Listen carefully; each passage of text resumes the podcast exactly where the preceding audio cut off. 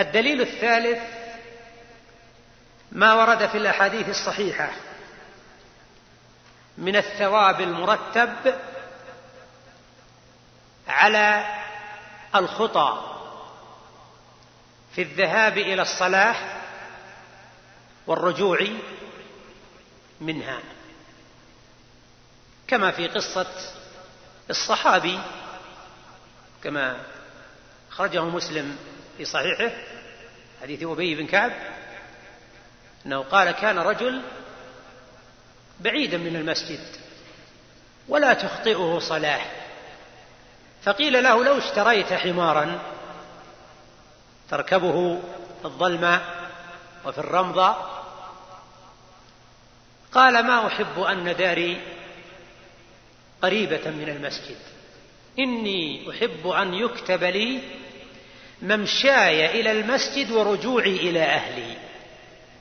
فقال النبي صلى الله عليه وسلم إن الله قد كتب لك ذلك كله أو جمع لك ذلك كله.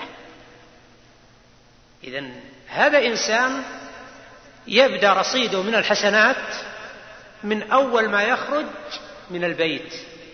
طالت المسافة أو قربت فهذا يؤيد أن الوسائل لا أحكام المقاصد. ويمكن أن يضاف في الاستدلال أيضا ما ورد أن النبي صلى الله عليه وسلم نهى المصلي إذا خرج أن يشبك بين أصابعه ونهاه أيضا أن يسرع وأمره أن يكون على سكينة ووقار. فقال صلى الله عليه وسلم فإن أحدكم في صلاة إذا كان يعمد إلى الصلاة. إذا دليل على أنه من يخرج من بيته فهو في صلاة. فهذه الأدلة تبين لنا عظم هذا الأصل ومدى الثواب العظيم المرتب عليه. ثم انتقل المصنف إلى النقطة الثانية فقال الأدلة التي يستمد التي يستمد منها الفقه أربعة الكتاب والسنة وهما الأصل الذي خوطب به المكلفون وانبنى دينهم عليه والإجماع والقياس الصحيح وهما مستندان إلى الكتاب والسنة. هذا كلام واضح وهو أن الأدلة التي يستند إليها في إثبات الأحكام أربعة الكتاب والسنة والإجماع والقياس. وقد وصف الشيخ رحمه الله القياس بقوله القياس الصحيح إشارة إلى أن القياس منه ما هو صحيح ومنه ما ليس بصحيح. والسبب في هذا أن القياس له شروط. فإن تحققت شروطه فهو صحيح. وإن تخلف شرط منها فليس بصحيح. ولعله يكون هناك إشارة إلى هذه النقاط ولو بإيجاز. عندما نتكلم على القياس لأن المصنف رحمه الله ذكر القياس فيما سيأتي إن شاء الله ولكنه اقتصر على معلومات بسيطة جدا. ثانيا الشيخ ذكر أنه لا بد أن يكون القياس أو وصف القياس والإجماع بأنهما مستندان إلى الكتاب والسنة. وهذا حق. فإن الإجماع مع أنه من ضمن الأدلة لا بد أن يستند إلى دليل من كتاب أو من سنة. إذ لا يجوز للمجتهدين في أي عصر من العصور أن يجمعوا بمحض رأيهم على حكم شرعي. هذا لا يجوز. فلنعلم أن أي مسألة مجمع عليها لا بد فيها من دليل. لكن قد نعلم الدليل وقد لا نعلم الدليل. وهنا قد ينقدح سؤال وهو إذا كان الإجماع يستند إلى دليل ما فائدة الدليل؟ ما فائدة الإجماع؟ يكون المعول على إيه؟ على على الدليل. ما فائدة الإجماع؟ والجواب على هذا أننا وإن اشترطنا أن الإجماع يستند إلى دليل فالإجماع له فائدة. ويحضرني فائدتان. الفائدة الأولى أن الإجماع على مقتضى الدليل يدل على أن الدليل غير منسوخ. أي مسألة مجمع عليها وفيها دليل اجزم يقينا بأن الدليل هذا غير غير منسوخ. لأنه لو نسخ لبطل مقتضى الإجماع. الفائدة الثانية أن الإجماع يقوي الدليل. مثاله قول الرسول صلى الله عليه وسلم لا تنكح المرأة على عمتها ولا على خالتها. هذا خبر آحاد لكن قام الإجماع على مقتضى هذا هذا الدليل. فماذا استفاد الدليل؟ قوي بهذا الإجماع.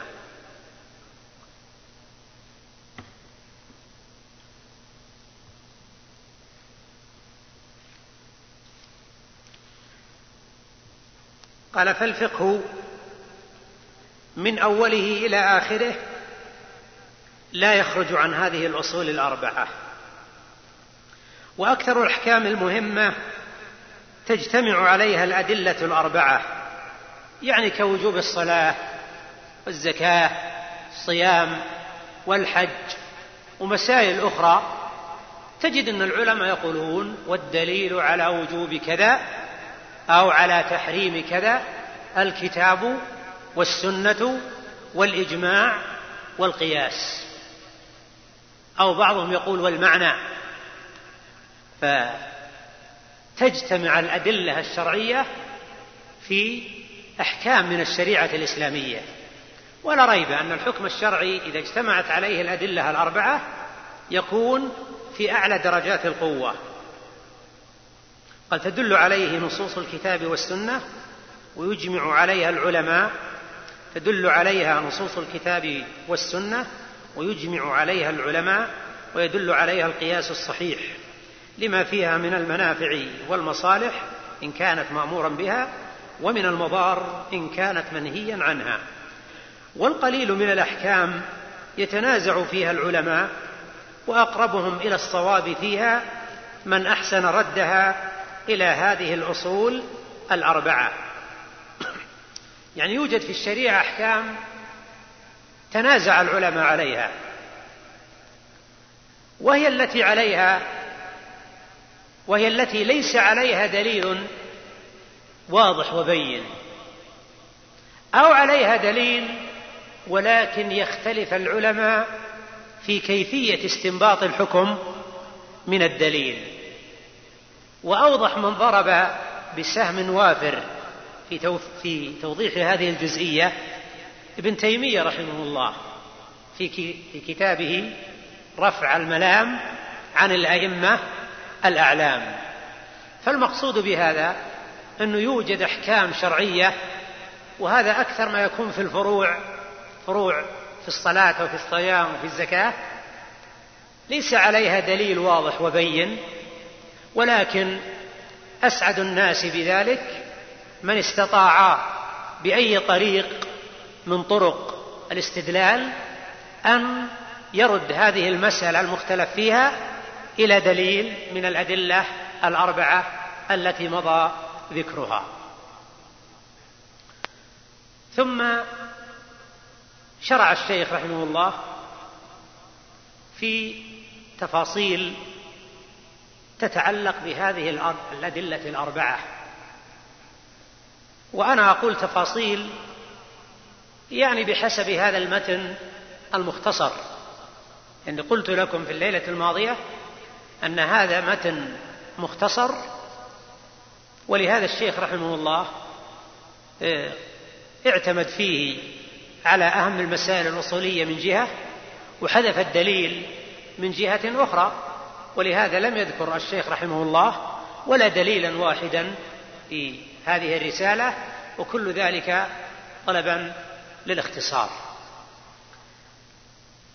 بدأ الآن بالدليل الأول. قال أما الكتاب فهو هذا القرآن العظيم كلام رب العالمين. دليل هذا واضح.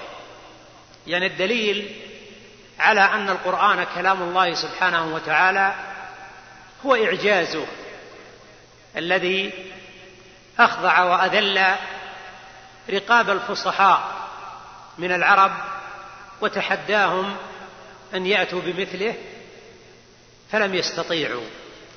فإعجاز القرآن وكونه خارجا عن طوق البشر وعن قدرة البشر دليل على أنه من كلام الله سبحانه وتعالى. مع أن القرآن ما أتى ولا بحرف واحد زائد عما تتكلم به العرب. الحروف هي الحروف. ولهذا الله جل وعلا لما ذكر في أوائل بعض السور الأحرف المقطعة جاء بعدها ذكر القرآن أو ذكر الكتاب. وهذا والله أعلم فيه إشارة إلى التحدي والتعجيز. كأنه يقول إن هذا القرآن الذي تقرؤونه مؤلف من هذه الأحرف حاء ميم. قاف. صاد. ألف. لام. ميم. يأتي ذكر القرآن مباشرة. فهذا أعظم دليل على أن القرآن كلام الله سبحانه وتعالى. وهذا إضافة إلى الإخبار بأنه كلام الله. هذه أدلة أخرى. لكن الدليل على أنه من كلام الله سبحانه وتعالى هو إعجازه وفصاحته وبلاغته التي هي خارجة عن طوق البشر. نزل به الروح الأمين على قلب محمد رسول الله صلى الله عليه وسلم ليكون من المنذرين بلسان عربي مبين للناس كافة في كل ما يحتاجون إليه من مصالح دينهم ودنياهم. ثم ذكر المصنف رحمه الله ثلاثة أوصاف من أوصاف القرآن فقال وهو المقروء بالألسنة هذا الوصف الأول. ومعنى المقروء بالألسنة يعني المتعبد بتلاوته سواء كانت التلاوة في داخل الصلاة أو في خارجها. المكتوب في المصاحف لأن الله جل وعلا تكفل بحفظ هذا القرآن من اندراسه وضياعه ومن وسائل حفظه أنه كتب في المصاحف. الخصيصة الثالثة وهي من أعظم خصائص القرآن المحفوظ في الصدور. وهذه خصيصة لهذه الأمة ليست لغيرها من الأمم. ولهذا ورد في الحديث الذي أخرجه مسلم في صحيحه أن الله جل وعلا قال لنبيه صلى الله عليه وسلم وأنزلت عليك كتابا لا يغسله الماء. وأنزلت عليك كتابا لا يغسله الماء. هذا جزء من حديث في صحيح مسلم. ومعنى لا يغسله الماء يعني أن القرآن ليس محفوظا في أوراق فقط بحيث إنه يأتي وقت من الأوقات على هالأوراق ذي يأتي عليها ماء ويغسل المكتوب ويزول. بل القرآن محفوظ في الصدور. إذا هذا الحديث فيه إشارة على أن الله جل وعلا أكرم هذه الأمة بهذه الكرامة العظيمة وهي حفظ هذا القرآن في صدورهم. تجد الإنسان قد حفظ القرآن في صدره من أوله إلى آخره لا يخرم منه حرفا. هذه من خصائص القرآن. الذي لا يأتيه الباطل من بين يديه ولا من خلفه تنزيل من حكيم حميد. فسر العلماء الباطل هنا بأنه الشيطان سواء كان من شياطين الإنس أو من شياطين الجن.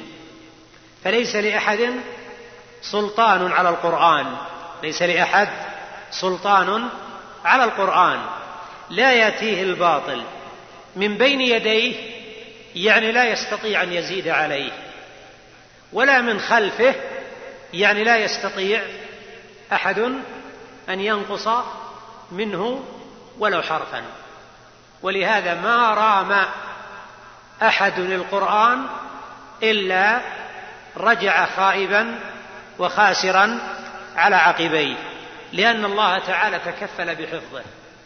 بخلاف الكتب المنزلة قبل القرآن كالتوراة والإنجيل فإنه قد دخلها التحريف. قد دخلها التحريف. لأن الله جل وعلا ما شاء أن تكون كتبا سماوية دائمة وإنما هي شرائع مرهونة بوقتها. انتهت بزمانها. ولهذا جاء القرآن ناسخا لها ومهيمنا عليها.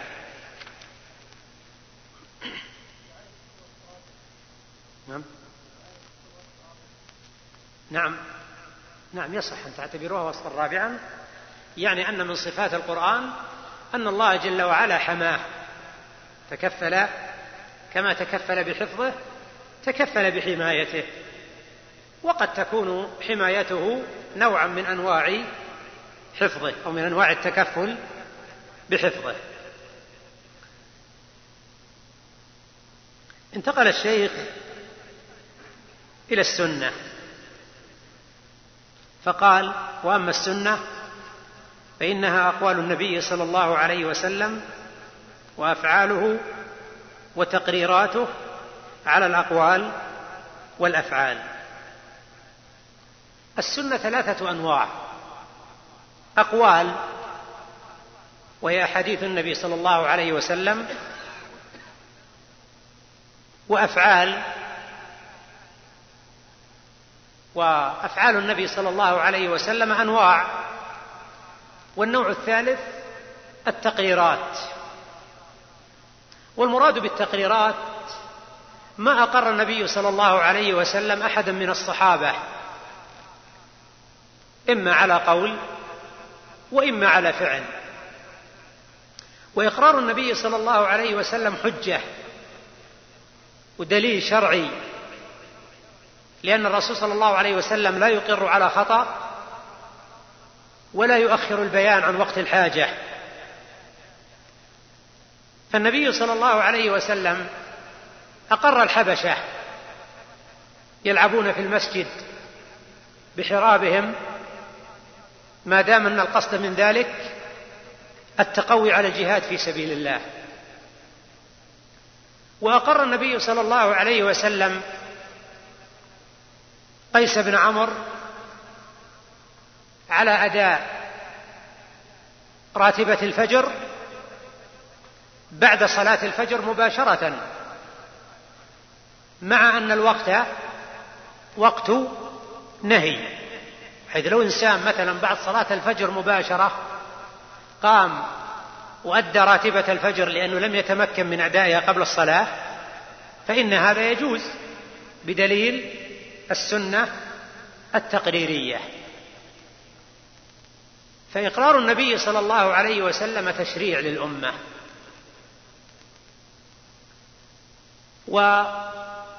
والسنة باعتبار زيادتها على القرآن أو على زيادتها أو عدم زيادتها ثلاثة أنواع. النوع الأول سنة مؤكدة للقرآن. وهذا في الأحكام التي وردت في القرآن والسنة مثل وجوب الصلاة. ووجوب الصلاة في القرآن وجاء في السنة أيضا فتكون السنة في موضوع إيجاب الصلاة مؤكدة للقرآن. النوع الثاني سنة مفسرة للقرآن وما أجمل في القرآن. وهذا كما في الصلاة عندما بينت السنة صفة الصلاة وكما في الزكاة عندما بينت السنة مقادير الزكاة وكما في الحج عندما بينت السنة صفة الحج. القسم الثالث يسميه العلماء السنة الاستقلالية. السنة الاستقلالية وهو أن يثبت في السنة حكم لم يثبت في القرآن. يعني لم يأتي في القرآن. وهذا له نظائر. خذ مثلا الشفعة. ثبوت الشفعة. ليس للشفعة ذكر في القرآن إنما مستندها السنة. خذ مثلا توريث الجد. هل ذكر الجد في آيات المواريث؟ ما ذكر في آيات المواريث. فالسنة جاءت بأحكام لم يرد لها ذكر في القرآن وتسمى السنة الاستقلالية. والأدلة على حجية السنة والعمل بها أنه لا يكتفى بالقرآن أدلة كثيرة. ولكن من هذه الأدلة أن الله جل وعلا قرن طاعته مع طاعة رسوله صلى الله عليه وسلم. فقال تعالى وأطيعوا الله وأطيعوا الرسول. ولا ريب أن الجمع بين الطاعتين يدل على أن اتباع القرآن واجب واتباع السنة واجب. ثانيا أن الله جل وعلا وصف السنة بأنها وحي. كما أن القرآن وحي السنة وحي. قال تعالى وما ينطق عن الهوى إن هو إلا وحي يوحى. الدليل الثالث الأدلة كثيرة لكن باختصار. ما ورد في حديث المقدام ابن معدي كرب أن النبي صلى الله عليه وسلم قال ألا إني أوتيت القرآن ومثله معه. ألا يوشك رجل شبعان على أريكته؟ ألا يوشك رجل شبعان على أريكته؟ يقول ما أحله القرآن فأحلوه وما حرمه القرآن فحرموه. فهذا الحديث دليل على حجية السنة من وجهين. الوجه الأول أن الرسول صلى الله عليه وسلم أثبت مماثلة السنة للقرآن. قال ألا إني أوتيت القرآن ومثله معه ولا مماثلة للقرآن إلا السنة. الثاني وجود الدلالة الثاني أن النبي صلى الله عليه وسلم ذم من فرق بين القرآن والسنة بواسطة المثل الذي ضربه. ألا يوشك رجل؟ فهذا المثل يستفاد منه ذم التفريق بين القرآن والسنة. ثم أيضا معلوم يقينا لا شك فيه أننا بحاجة إلى السنة. فمن أين عرفنا صفة الصلاة؟ ومن أين عرفنا صفة الحج؟ ومن أين أخذنا مقادير الزكاة؟ هذه ليس لها ذكر في القرآن. وبهذا يتبين أن من يرفضون الاستدلال بالسنة أو أن من يقول أوامر القرآن على الوجوب وأوامر السنة على الاستحباب أن هذا عن الصواب بمعزل. ثم انتقل المؤلف إلى آخر نقطة في الموضوع وهي من مباحث دلالات الألفاظ وطرق الاستنباط. قال فالأحكام الشرعية تؤخذ تارة تؤخذ فالأحكام الشرعية تارة تؤخذ من نص الكتاب والسنة وهو اللفظ الواضح الذي لا يحتمل إلا ذلك المعنى. وتارة تؤخذ من ظاهرهما وهو ما دل على ذلك على وجه العموم اللفظي أو المعنوي. أدلة الكتاب والسنة أنواع. النوع الأول النص والنوع الثاني الظاهر. هذا اللي ذكر المؤلف الآن. عرف النص. النص هو الذي لا يحتمل إلا معنى واحدا. يعني ليس له أكثر من معنى. قال هو اللفظ الواضح الذي لا يحتمل إلا ذلك المعنى. مثاله قول الله تعالى وأحل الله البيع وحرم الربا. فهذه الآية نص ما تحتمل أكثر من معنى. أن الربا حرام والبيع حلال. واللي يدلك على هذا المعنى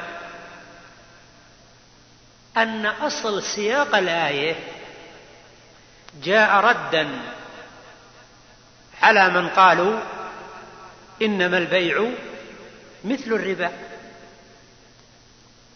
ولا تكون الآية نصا قاطعا ولا تكون الآية ردا عليهم إلا إذا كانت نصا قاطعا في إباحة البيع وتحريم الربا.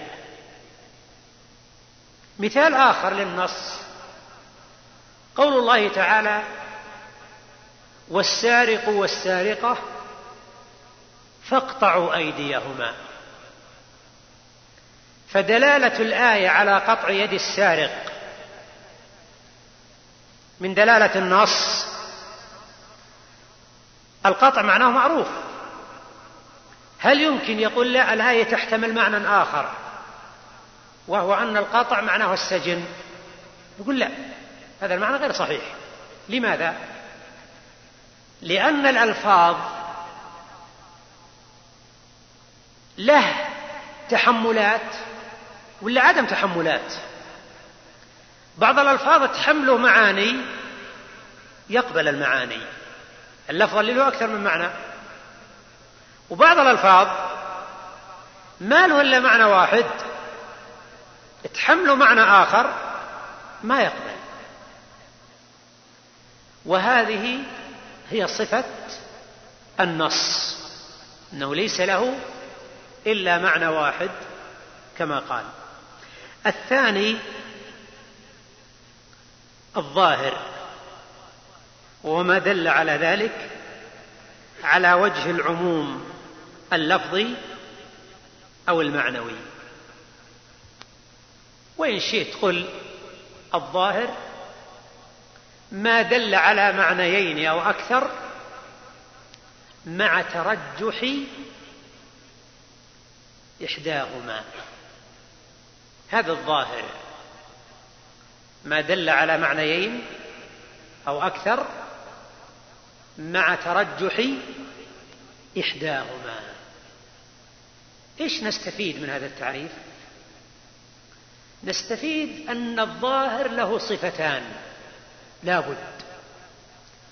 الصفة الأولى لا بد أن يكون اللفظ له معنيين فأكثر. اللي ما له إلا معنى واحد ما هو من قبيل الظاهر. لا بد يكون اللفظ له أكثر من معنى. وهذا يا إخوان هو قصد الشيخ بقوله العموم اللفظي والمعنوي. الأمر الثاني اللي يدل عليه التعريف أنه لا بد أن يترجح واحد من المعنيين على الآخر. لا بد. فلو كان المعنيان على حد سواء ما كان من قبيل الظاهر.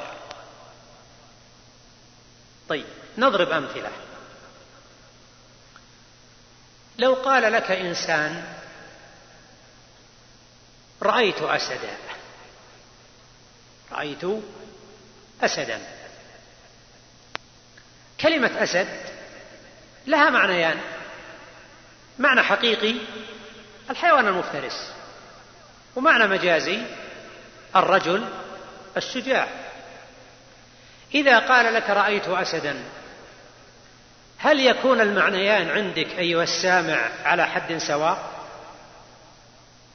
أو يترجح الأول؟ يترجح الأول.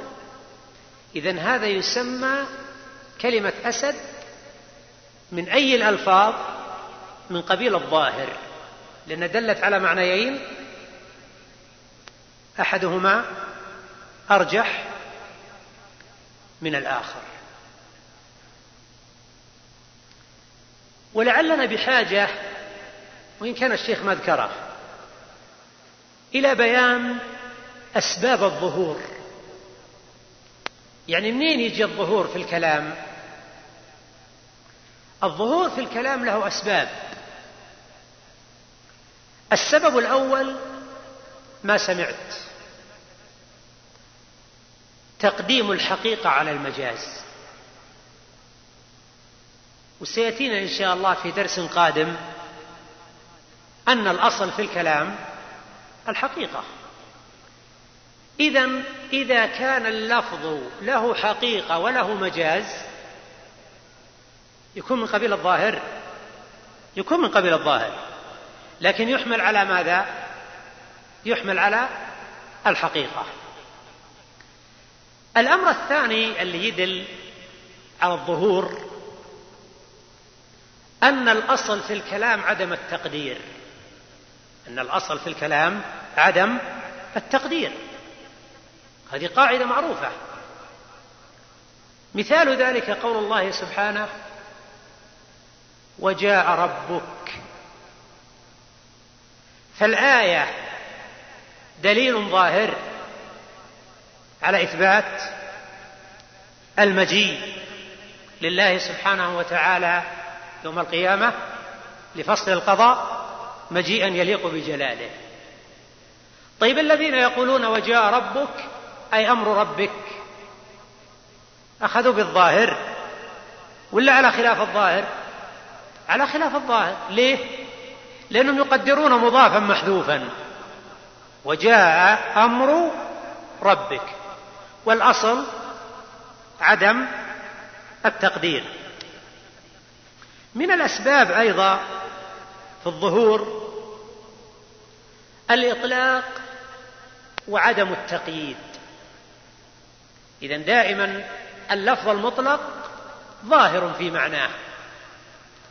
فأنت إذا سمعت قول الله تعالى في سورة المجادلة في آيات الظهار فتحرير رقبة من قبل أن يتماسا. ما الظاهر المتبادر؟ تفضل.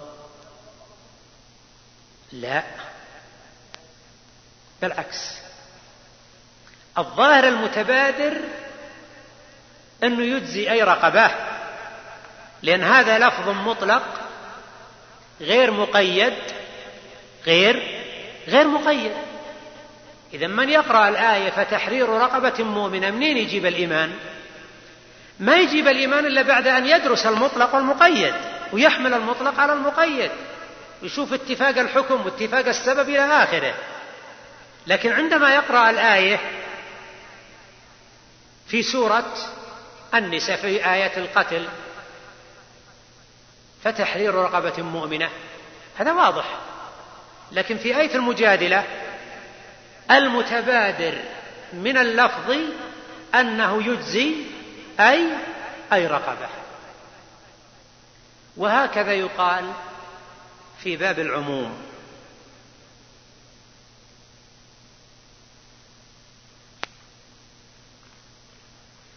طيب. النوع الثالث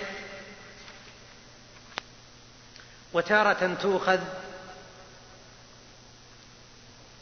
من المنطوق وهو ما دل على الحكم في محل النطق وتارة تؤخذ من المفهوم وهو ما دل على الحكم بمفهوم موافقة أو بمفهوم مخالفة. طيب الشيخ هنا أرى أشار إلى نوع من دلالات الألفاظ وهو ما يسمى بالمنطوق والمفهوم. والمنطوق والمفهوم. هذا من مباحث دلالات الألفاظ المهمة. إذ لا يستغني عنه دارس لا مفسر ولا محدث ولا فقيه. فالمنطوق ما دل عليه اللفظ يعني ما أخذ من اللفظ. يعني ما أخذ من العبارات والأحرف اللي أمامك هذا يسمى منطوق. فأنت مثلا إذا قرأت قول الله تعالى فلا تقل لهما أف. اللي يؤخذ من أحرف الآية تحريم التأفيف في حق الوالدين. وهو تضجر أو التضايق بما يوحي من العبارات. هذا المنطوق يؤخذ من مفهوم اللفظ. إذا سمعت مثلا قول النبي صلى الله عليه وسلم في سائمة الغنم الزكاة. السائمة كما تعلمون التي ترعى أكثر الحول. تأخذ من العبارات اللي أمامك أن الزكاة أنه لا زكاة إلا في السائمة. فالطريقة هذه تسمى استنباط الحكم من المنطوق. قال وتارة تؤخذ من المفهوم المفهوم ما دل على الحكم لا في محل النطق. ما دل على الحكم لا في محل النطق. يعني الأحرف اللي أمامك مالك فيها علاقة بل لا بد أن تغوص في الأعماق وفي الجذور لتستنبط المفهوم. والمفهوم عند الأصوليين قسمان كما ذكر الشيخ. مفهوم موافقة ومفهوم مخالفة. مفهوم الموافقة ما وافق المسكوت اضبطوها بالشكل ما وافق المسكوت عنه المنطوق في الحكم. هذا مفهوم الموافقة. مفهوم المخالفة بدل كلمة ما وافق ضع كلمة خالف وبقى الكلام يمشي. يصير مفهوم المخالفة ما خالف المسكوت عنه المنطوق في الحكم. اذا مفهوم الموافقة يصير المسكوت عنه والمنطوق حكمهما واحد. أما مفهوم المخالفة يكون المسكوت عنه يغاير المنطوق في الحكم. وأيهما أصعب؟ الموافقة ولا المخالفة؟ المخالفة. ولهذا تجد كلام الأصوليين في مفهوم الموافقة أكثر من كلامهم في مفهوم مفهوم المخالفة أكثر من كلامهم في مفهوم الموافقة. طيب مفهوم الموافقة كما ذكر الشيخ نوعان. الأول أن يكون المسكوت عنه مساويا للمنطوق. والثاني أن يكون المسكوت عنه أولى من المنطوق. اذا كم نوع مفهوم الموافقة؟ نوعان. مساو وأولوي. مساو وأولوي. نرجع إلى آياتنا التي ذكرنا. فلا تقل لهما أف. الآية ذي لا مفهوم. لا مفهوم. وهو أن الآية لما ذكرت التأفيف يبقى موضوع الضرب أو الشتم. هذا ما يؤخذ من ظاهر الآية. لأن الآية تتعلق بالقول المقيد بالتأفيف. إذ يكون الضرب مأخوذ من المفهوم ولكن مع هذا يعني مع أنه مفهوم إلا أنه أولى بالتحريم من المنطوق. أولى بالتحريم من المنطوق. فالذي يضرب والديه والعياذ بالله أقبح جرما وأعظم إثما ممن يقول لهما أف. لكن مع هذا تلاحظون أن الحكم تغير ولا ما تغير؟ ما تغير اللي هو التحريم. إذا استفدنا من ذي تحريم التأفيف عن طريق المنطوق. وتحريم الضرب عن طريق المفهوم. طيب هل هما متساويان؟ لا. المفهوم أولى بالحكم يعني أولى بالتحريم من المنطوق. طيب مثل قول الله تعالى إن الذين يأكلون أموال اليتامى ظلما. إنما يأكلون في بطونهم نارا وسيصلون سعيرا. منطوق الآية ما يتعدى أكل مال اليتيم بأي طريق؟ من طرق الأكل. بسرقة بغش بتحايل. أي طريق؟ الطرق لاكتساب المال. الطرق الصحيحة كثيرة والطرق الباطلة كثيرة. إذا الآية ركزت على الأكل. لكن يبقى هل إتلاف مال اليتيم مقصور على الأكل؟ لا. قد يكون الإتلاف بالإحراق. وقد يكون الإتلاف بالإغراق. أو غير ذلك من أنواع الإتلاف. فهل نقول الآن إن حكم الإغراق أو الإحراق يختلف عن الأكل الحكم واحد. وبهذا يكون المسكوت عنه مساويا للمنطوق في الحكم. صحيح أنه قد يدعى الفرق. طبعا وهذا مبحث آخر ما ما ندخل فيه. قد يقول قائل في فرق نقول نعم في فرق. قد يكون الأكل في مصلحة للآكل. والإغراق ما في مصلحة للآكل. لكن مع هذا نقول هذا الفرق لا يعنينا.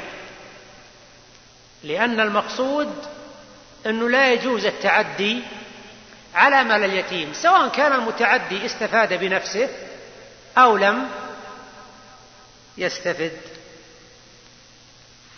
طيب انتهينا من موضوع مفهوم الموافقة. ما حجيته؟ نقل شيخ الإسلام ابن تيمية رحمه الله الإجماع كما في مجموع الفتاوى على أن مفهوم المخالفة مفهوم الموافقة حجة. وقال إن إنكاره من بدع الظاهرية. الظاهريه ما يأخذون به. الظاهريه يقولون خلاص يحرم أكل مال اليتيم. لكن إحراقه وإغراقه هذا ما يحرم. ولهذا قال الشيخ رحمه الله إن إنكار مفهوم الموافقة من بدع الظاهرية التي لم يسبقهم إليها أحد من السلف. لم يسبقهم إليها أحد من السلف.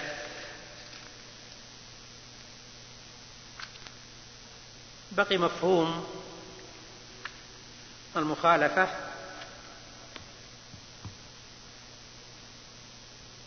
يكون إن شاء الله في الليلة القادمة. الله أعلم. صلى الله على نبينا محمد. بسم الله الرحمن الرحيم. هذه بعض الأسئلة. والفضيلة الشيخ سلمه الله الرجاء منكم توجيهنا إلى كتاب أو إلى أنفع كتاب في الأصول شامل لمسائله خال من علم الكلام موافق للصواب. وجزاكم الله خيرا. هذا سؤال صعب. وأخشى أن يكون هذا السؤال من الأسئلة التي يرسب فيها. السائل شرط شروطا لا مجال لتحققها إلا بالمختصرات مثل هذا المختصر الذي بأيدينا. وإلا فإن معظم كتب الاصول كما قلت لكم في الليلة الماضية لا تخلو مما أراد السائل الخلو منه. ولكن بين مقل ومكثر. وأحسن ما يتجه إليه الدارس هو الكتب المختصرة. أما الكتب المطولة فلا أظن يعني أن مثل هذا السائل يستطيع أن يستوعبها وأن يستفيد منها. في من المختصرات طبعا غير الكتاب الذي معنا وغير الورقات للجويني وغير مثلا كتاب الشيخ محمد العثيمين رحمه الله اللي يدرس في المعاهد العلمية الأصول من علم الأصول نريد نرتفع قليلا. عندك مثلا مختصر الطوفي المطبوع بما ليس باسم له وهو البلبل. البلبل بلامين هذا اختصره الطوفي رحمه الله من روضة الناظر. مع أنه ما في اختصار واضح وبين لكن مع هذا يعتبر من الكتب المختصرة. في كتاب آخر. أنا سبق شرحته في المسجد في بريدة هناك وهو الآن في المطبعة ولعل إن شاء الله يخرج. إن سوعد بداية العام الدراسي القادم. شرح لكتاب اسمه قواعد الأصول ومعاقد الفصول. هذا كتاب مختصر وجيد. وقد وصفه عبد القادر بدران في كتابه المدخل المدخل إلى مذهب الإمام أحمد بن حنبل كتاب في أصول الفقه. قال عن هذا الكتاب إنه من أحسن المختصرات في أصول الفقه عند الحنابلة. هو مختصر جيد وما في يعني تجرد من موضوع علم الكلام هذا عزيز لكن هذا الكتاب يعتبر من الكتب الجيدة حسب ما ترددت فيه. فهذه بعض من الكتب التي تحضرني الآن إجابة على هذا السؤال. فضيلة الشيخ سائل يقول هل هناك قاعدة تدل على أن هناك بعض بعض المسنونات إذا تركت أصبح تركها مكروها ومن السنن ما إذا ترك لم لم يكن تركها مكروها. وما ضابط ذلك مع التمثيل العلماء عندما يتكلمون على المكروه يقسمون المكروه إلى ثلاثة أقسام.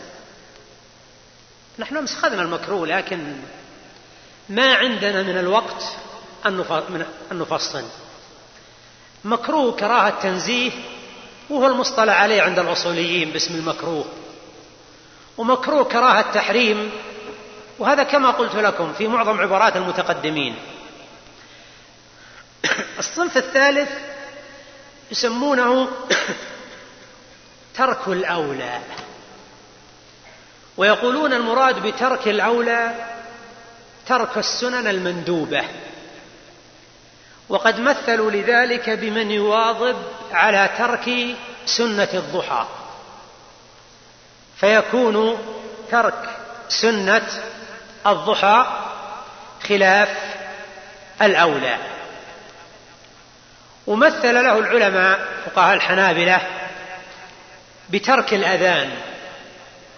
يعني على القول بأن الأذان أنه سنة. فقالوا إن ترك الأذان يكون من باب ترك الأولى. فهم يعتبرون ترك الأولى قسما مستقلا ويضبطونه بأنه ترك السنن المندوبة. وكما تعلمون السنن المندوبة لا يأثم تاركها. لكن العلماء يعتبرون هذا نقصا في الإنسان. يعتبرون هذا نقصا في الإنسان. لا لأنها واجبة ولكن كما يقول الأصوليون إن ترك المندوبات يدل على الزهد في الطاعة والرغبة عنها. ولا ريب أن من يزهد في الطاعات ويرغب عنها ليس كمن يرغب فيها. نعم.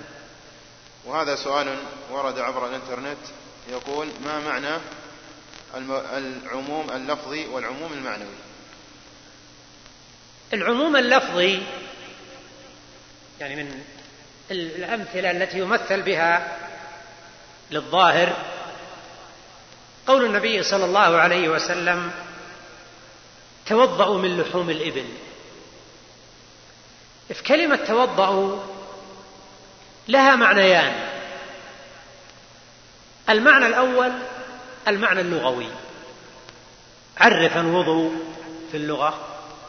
معناه النظافة. لو إنسان مثلا أخذ الصابون وغسل يديه بعد الطعام يصح من المعنى اللغوي أن يقول إيش؟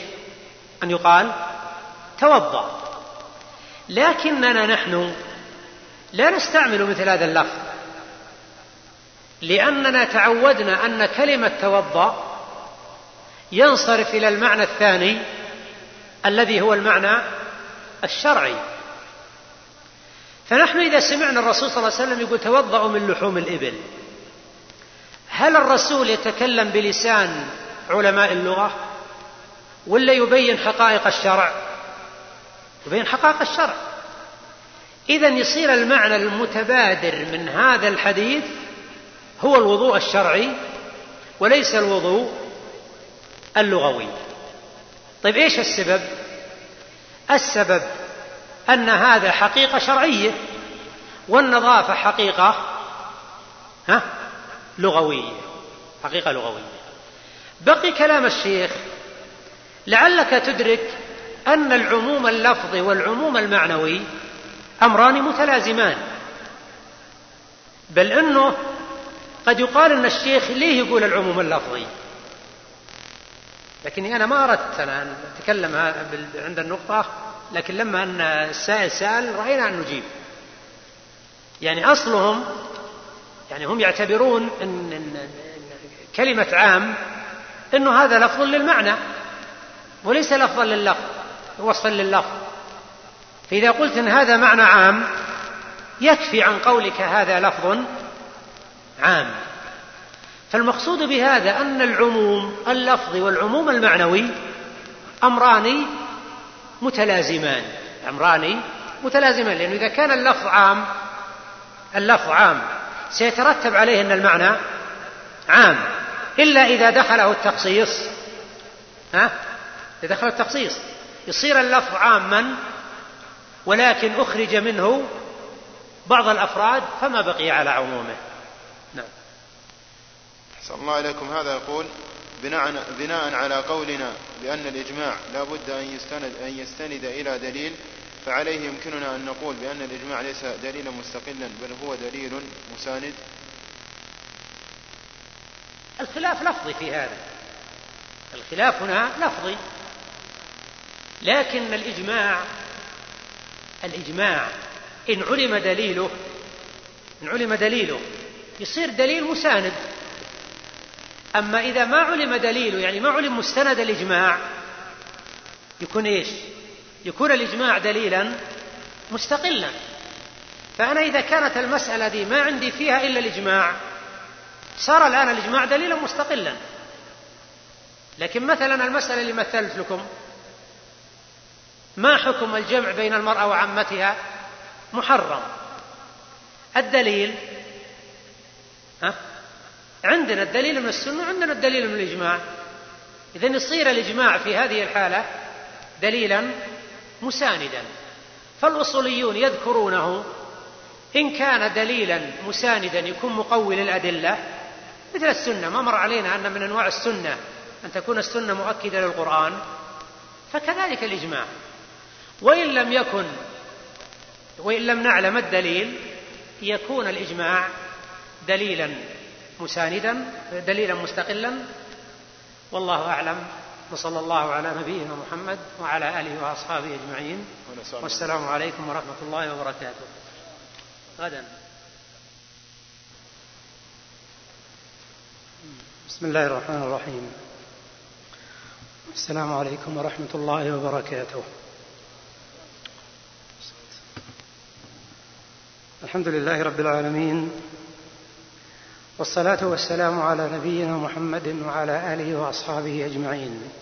أما بعد درسنا في هذه الليلة سيكون بعون الله تعالى في ثلاث نقاط. النقطة الأولى وهي المتبقية من درس الليلة الماضية مفهوم المخالفة. والنقطة الثانية ثلاثة أصول يحتاج إليها الفقيه.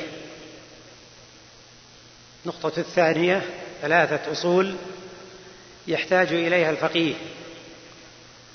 والنقطة الثالثة بعض من دلالات الألفاظ وطرق الاستنباط. يقول المصنف رحمه الله تعالى في بيان مأخذ الأحكام الشرعية من الأدلة يقول وتارة تؤخذ من المفهوم وهو ما دل على الحكم بمفهوم موافقة إن كان مساويا للمنطوق أو أولى منه أو بمفهوم المخالفة إذا خالف المنطوق في حكمه.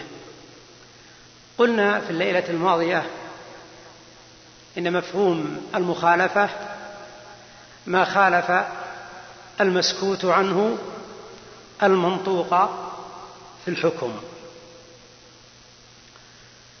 ولا بد أن نفهم اولا أن كون المسكوت عنه موافقا للمنطوق في الحكم هذا لا يحتاج إلى شيء زائد على اللفظ. أما في مفهوم المخالفة الذي يكون المسكوت عنه مخالفا للمنطوق في الحكم فهذا لا بد أن يكون له سبب. وقد اقتصر المصنف رحمه الله على نوعين. الأول الصفة والثاني الشرط. يعني أن المنطوق إذا جاء معه صفة دل على أن الصفة إن لم توجد يختلف الحكم. أو أن المنطوق إذا قيد بشرط فإنه إذا تخلف الشرط سيختلف الحكم. ولهذا يقول معللا لسبب المخالفة قال أو بمفهوم المخالفة إذا خالف المنطوق في حكمه. المنطوق مفعول به منصوب. وين فاعل خالف؟ فاعل خالف المسكوت عنه. إذا خالف المسكوت عنه المنطوق في حكمه. لكون المنطوق هذا التعليل وصف بوصف أو شرط فيه شرط. إذا تخلف ذلك الوصف أو الشرط تخلف الحكم. والشيخ رحمه الله اقتصر على هذين النوعين لأنهما من أهم مفاهيم المخالفة وهما مفهوم الصفة ومفهوم الشرط. فمثلا إذا نظرنا إلى قول الله تعالى في سورة الطلاق وإن كن أولات حمل فأنفقوا عليهن حتى يضعن حملهن. منطوق الآية وجوب النفقة. على المطلقة إذا كانت حاملا. أخذا من قوله وإن كن. وإن أداة شرط. إذا هذا المنطوق قيد بشرط. أرأيت لو تخلف الشرط؟ سيتخلف الحكم. وهذا هو معنى المفهوم. إذا منطوق الآية وجوب النفقة على المطلقة إذا كانت حاملة. مفهوم الآية عدم وجوب النفقة على المطلقة إذا لم تكن حاملا هذا الاستدلال بالمنطوق والمفهوم. مثال آخر. قول الله تعالى في سورة النساء وآتوا النساء صدقاتهن نحلة. فإن طبن لكم عن شيء منه نفسا فكلوه هنيئا مريئا.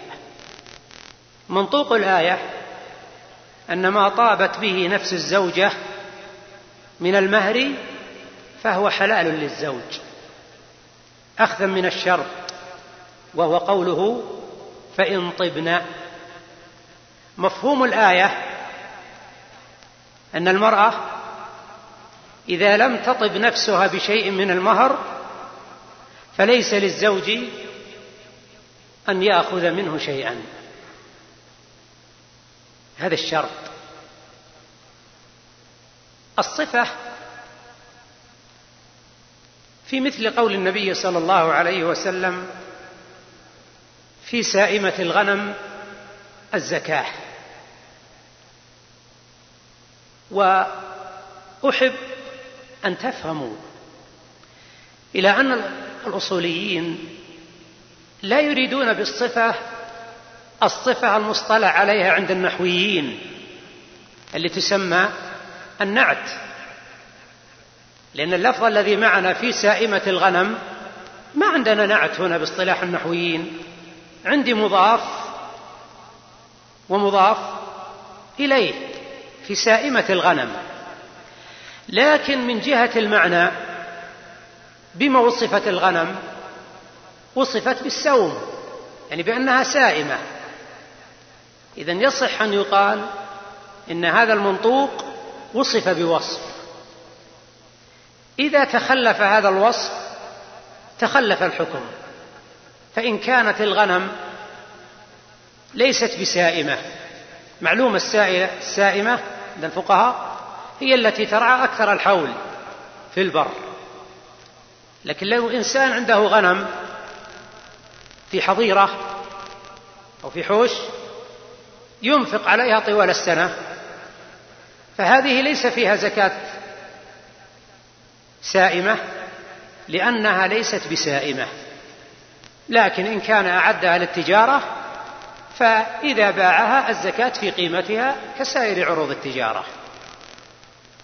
وعلى هذا فمفهوم المخالفة سمي بمفهوم المخالفة لأن المسكوت عنه يخالف المنطوق في الحكم. ومفهوم المخالفة حجة عند جماهير أهل العلم. والأدلة على حجية مفهوم المخالفة كثيرة ولعلي أكتفي منها بدليلين. مراعاة للوقت. الدليل الأول أن فصحاء اللغة وفرسان البلاغة يدركون أن التقييد بوصف أو شرط يدل على تخلف الحكم عند فقد الوصف أو الشرط. فقد ورد في الحديث الصحيح أن يعلى ابن أمية جاء إلى عمر بن الخطاب رضي الله عنه وقال يا عمر الله جل وعلا يقول ليس عليكم جناح أن تقصروا من الصلاة إن خفتم أن يفتنكم الذين كفروا. وقد آمن الناس وقد آمن الناس. إذن هو الآن يعلى بفصاحته يريد أن يقول لنا إيه؟ إن الآية له منطوق وله إيه؟ مفهوم. منطوق الآية أن القصر مربوط بالخوف. وما دام أن هذا القيد وهو الخوف قد زال وأمن الناس اذا ينبغي أن موضوع القصر ينتهي. موضوع القصر ينتهي. هذا فهمه هو. إذا هذا يدلنا على أن أصحاب اللغة الفصحاء يدركون مفهوم المخالفة ويعملون به. فقال عمر رضي الله عنه عجبت مما عجبت منه. يعني الفهم الذي فهمته أنت أنا فهمته. وقد سألت رسول الله صلى الله عليه وسلم فقال صدقة تصدق الله بها عليكم فاقبلوا صدقته. طيب هل في لفظ الرسول صلى الله عليه وسلم هذا سؤال لكم أنتم هل في لفظ الرسول صلى الله عليه وسلم أيضا دليل على حجية مفهوم المخالفة؟ تفضل أخي أنت.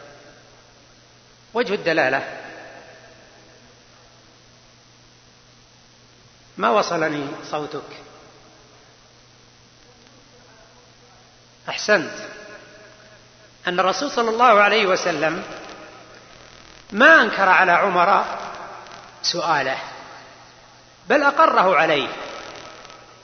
الرسول صلى الله عليه وسلم بجوابه كأنه يقول نعم إن مفهوم المخالفة معمول به. لكن في هذه الآية بالذات لا يعمل به لأن كونكم تقصرون في حال الخوف والأمن هذه صدقة من الله جل وعلا. هذا دليل. الدليل الثاني أن التقييد بالوصف أو الشرط لا بد أن يكون له فائدة. ولا سيما في نصوص الشرع. وإلا لماذا يقول الرسول صلى الله عليه وسلم في سائمة الغنم الزكاة؟ لو لم تكن كلمة سائمة لها فائدة لما كان لذكرها معناه. بل إن العرب أو ما هم العرب البلغيون يرون أن الزيادة التي ما لها فائدة تعتبر حشوا وتطويلا. يعني مثلا قول الشاعر ذكرت أخي فعاودني صداع الرأس والوصب. يقولون ليش يقول كلمة الرأس دي؟ الصداع وين يكون؟ معروف أن الصداع بالرأس. إذن يعتبرون كلمة الرأس دي حشو ما لا قيمة. أرأيت لو أن الغنم فيها زكاة سائمة أو غير سائمة؟ هل يكون لقوله سائمة في الحديث له معنى؟ لا يكون تطويل بدون بدون فائدة.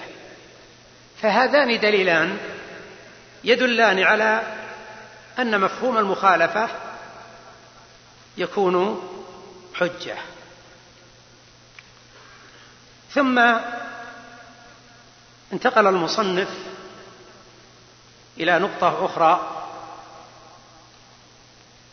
وكان الأولى أن نضع لها عنوانا مستقلا بحيث تكون النقاط أربع. فتكون النقطة الثانية في درس اليوم أنواع الدلالة.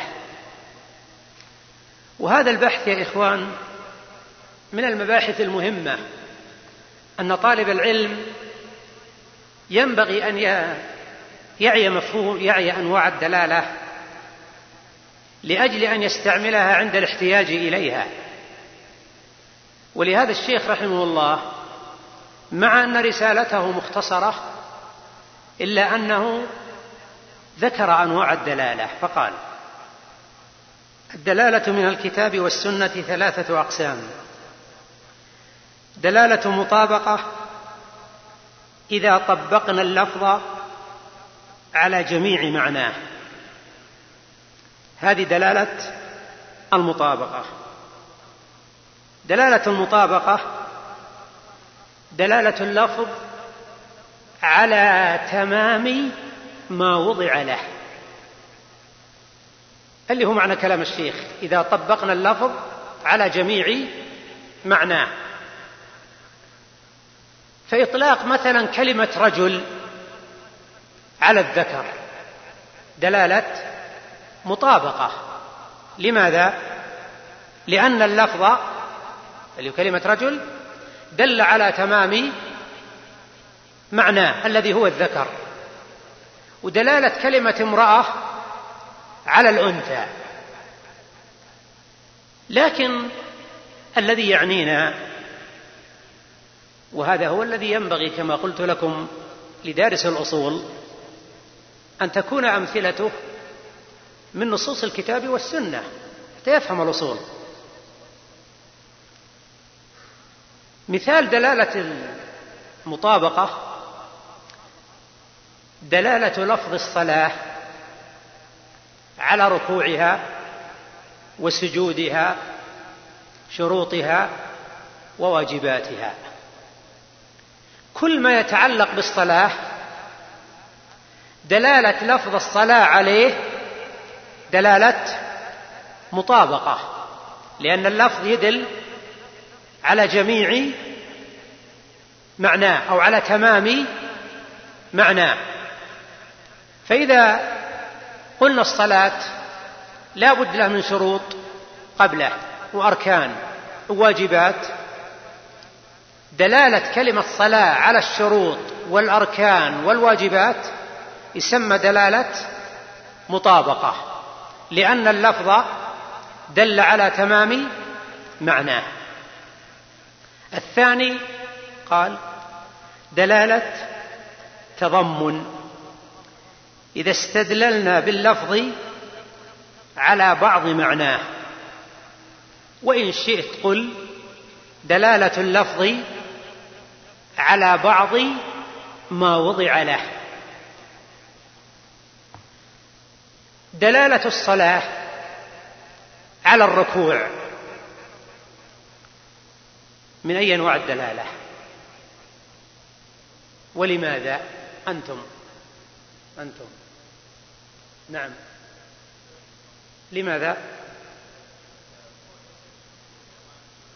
نعم. الآن الركوع جزء من أجزاء الصلاة. في دلالة لفظ الصلاة على الركوع أو على السجود يسمى دلالة تضمن.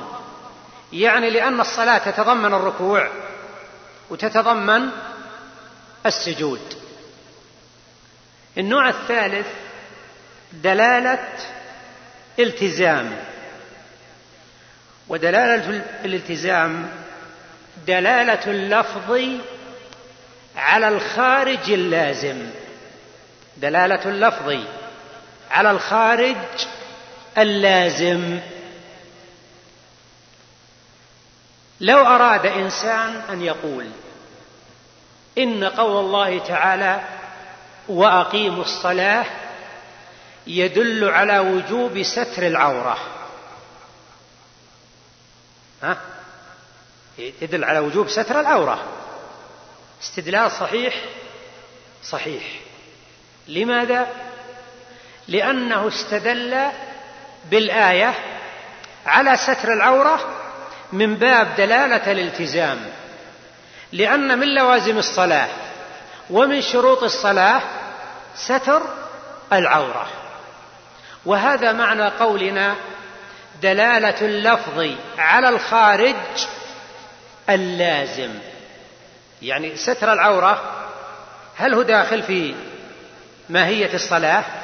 لا ليس من أركانها ولا من واجباتها إنما هو إيه؟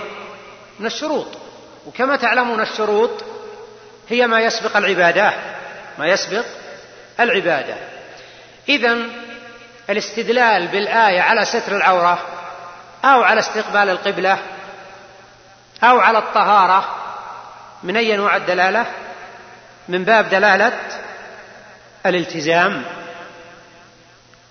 ولهذا يقول الشيخ ودلالة الالتزام إذا استدللنا بلفظ الكتاب لاحظ يقول بلفظ يعني يقصد إيش بلفظ؟ إنك تستدل بالآية مثل الآية اللي استدللنا بها أقيموا الصلاة. إذا استدللنا بلفظ ضعوا فوقها خطا كلمة لفظ تنتبهون لها.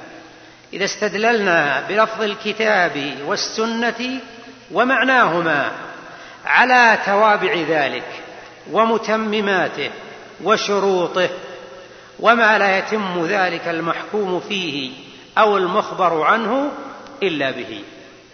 اذا صارت الشروط واللوازم الاستدلال عليها من أي انواع الدلالة؟ من باب دلالة الالتزام. طيب. مثال آخر. قول الله تعالى إن الله يأمركم أن تؤدوا الأمانات إلى أهلها. نريد نستدل بالآية ذي ثلاث مرات. مرة يكون استدلال يكون استدلالنا من باب دلالة المطابقة. وذلك إذا استدللنا بالآية على وجوب أداء الأمانة كاملة غير منقوصة. واضح؟ إذا استدللنا بالآية على وجوب أداء الأمانة كاملة غير منقوصة. إنسان مثلا أعطيته ألف ريال. قلت هذه أمانة عندك؟ وضعتها بظرف وشمعت عليه وقلت هذه أمانة عندك بعد شهر تعطيني إياه جيت أنت وأعطاك الأمانة الظرف بما فيه. إذا أدى إليك الأمانة كاملة غير منقوصة. دلالة الآية على هذا دلالة مطابقة. طيب. لو استدللنا بالآية على وجوب الأخذ من الأمانة إنك ما تأخذ من الألف ولا ريال. معنى الآية ما فيها هذا فيها أداء الأمانة. لكن أليس عدم الأخذ من الأمانة بعض من أداء الأمانة؟ أداء الأمانة يقتضي مثلا حفظة عدم التعدي عليها عدم الاطلاع عليها إذا كانت مظرفة عدم الأخذ منها. يعني في عدة جزئيات. إذا استدللنا بالآية على بعض الجزئيات مثل الصلاة. يصير الاستدلال من باب دلالة التضمن. طيب. إذا استدللنا بالآية على وجوب حفظ الأمانة. فالآن كيف يتم أداء الأمانة؟ بإيش؟ بحفظها. إذا الحفظ من لوازم أداء الأمانة من شرط أداء الأمانة. مثل ما مر علينا الطهارة من لوازم الصلاة من شروط الصلاة. هذه مثله. إذا إن استدللنا بالآية على الأداء دلالة مطابقة. استدللنا بالآية مثلا على تغيير مكان الأمانة عدم تغيير مكانه أو عدم كشفه. دلالة تضمن. إن استدللنا بالآية على حفظ الأمانة دلالة التزام.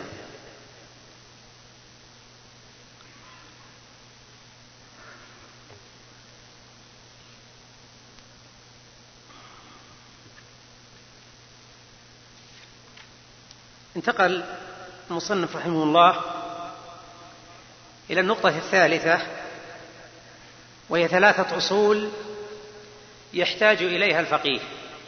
الأصل الأول قال الأصل في أوامر الكتاب والسنة أنها للوجوب إلا إذا دل الدليل على الاستحباب أو الإباحة. هذه يا إخوان قاعدة عظيمة من قواعد أصول الفقه وهي أن الأصل في الأمر أنه للوجوب إلا إذا وجد دليل صارف. من الأمثلة قول الله تعالى وإذا قرئ القرآن فاستمعوا له وأنصتوا لعلكم ترحمون. هذه الآية دليل على وجوب الاستماع والانصات عند سماع القرآن. وهذا الأمر عن الوجوب لا صارف له. لا يعرف في نصوص الشريعة ما يصرف هذا الأمر عن الوجوب.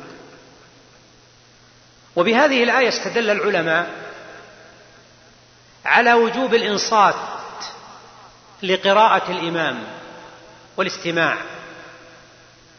حتى إن فريقا من أهل العلم استدلوا بهذه الآية على أن المأموم لا يقرأ الفاتحة لأنه مشغول بالاستماع لقراءة إمامه. أما الذين يقولون إن إن قراءة المأموم للفاتحة لا بد منها فهذه فيقولون إن الآية هذه خصصت بالاحاديث الدالة على أنه لا صلاة لمن لم يقرأ بفاتحة الكتاب. ويصير المعنى إن المأموم يقرأ الفاتحة وبعد هذا ينصت لقراءة الإمام. وعلى اي حال الآية فيها دليل على أن الأمر يقتضي الوجوب. والأدلة على أن الأمر يقتضي الوجوب كثيرة منها قول الله تعالى وما كان لمؤمن ولا مؤمنة إذا قضى الله ورسوله أمرا أن يكون لهم الخيرة من أمرهم. فهذا دليل على أن أوامر الشريعة ليس فيها خيار للمكلف إلا إن جاء الخيار من طريق الشرع. والخيار اللي يجي من طريق الشرع هو اللي يصرف الأمر إما للاستحباب أو للإباحة مثلا.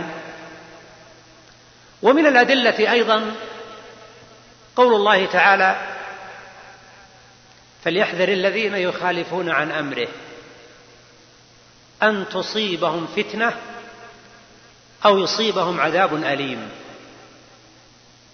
ووجه الدلالة من الآية مكون من ثلاث جزئيات مرتب بعضها على بعض. أن الآية دلت على أن من خالف الأمر متوعد بهذا الوعيد العظيم أن تصيبهم فتنة وهي الزيغ والانحراف والعياذ بالله أو العذاب الأليم. الجزئية الثانية لا يتوعد بهذا الوعيد العظيم إلا على ترك واجب. الجزئية الثالثة النتيجة فدل على أن أوامر الرسول صلى الله عليه وسلم على الوجوب حتى يرد ما يصرفها.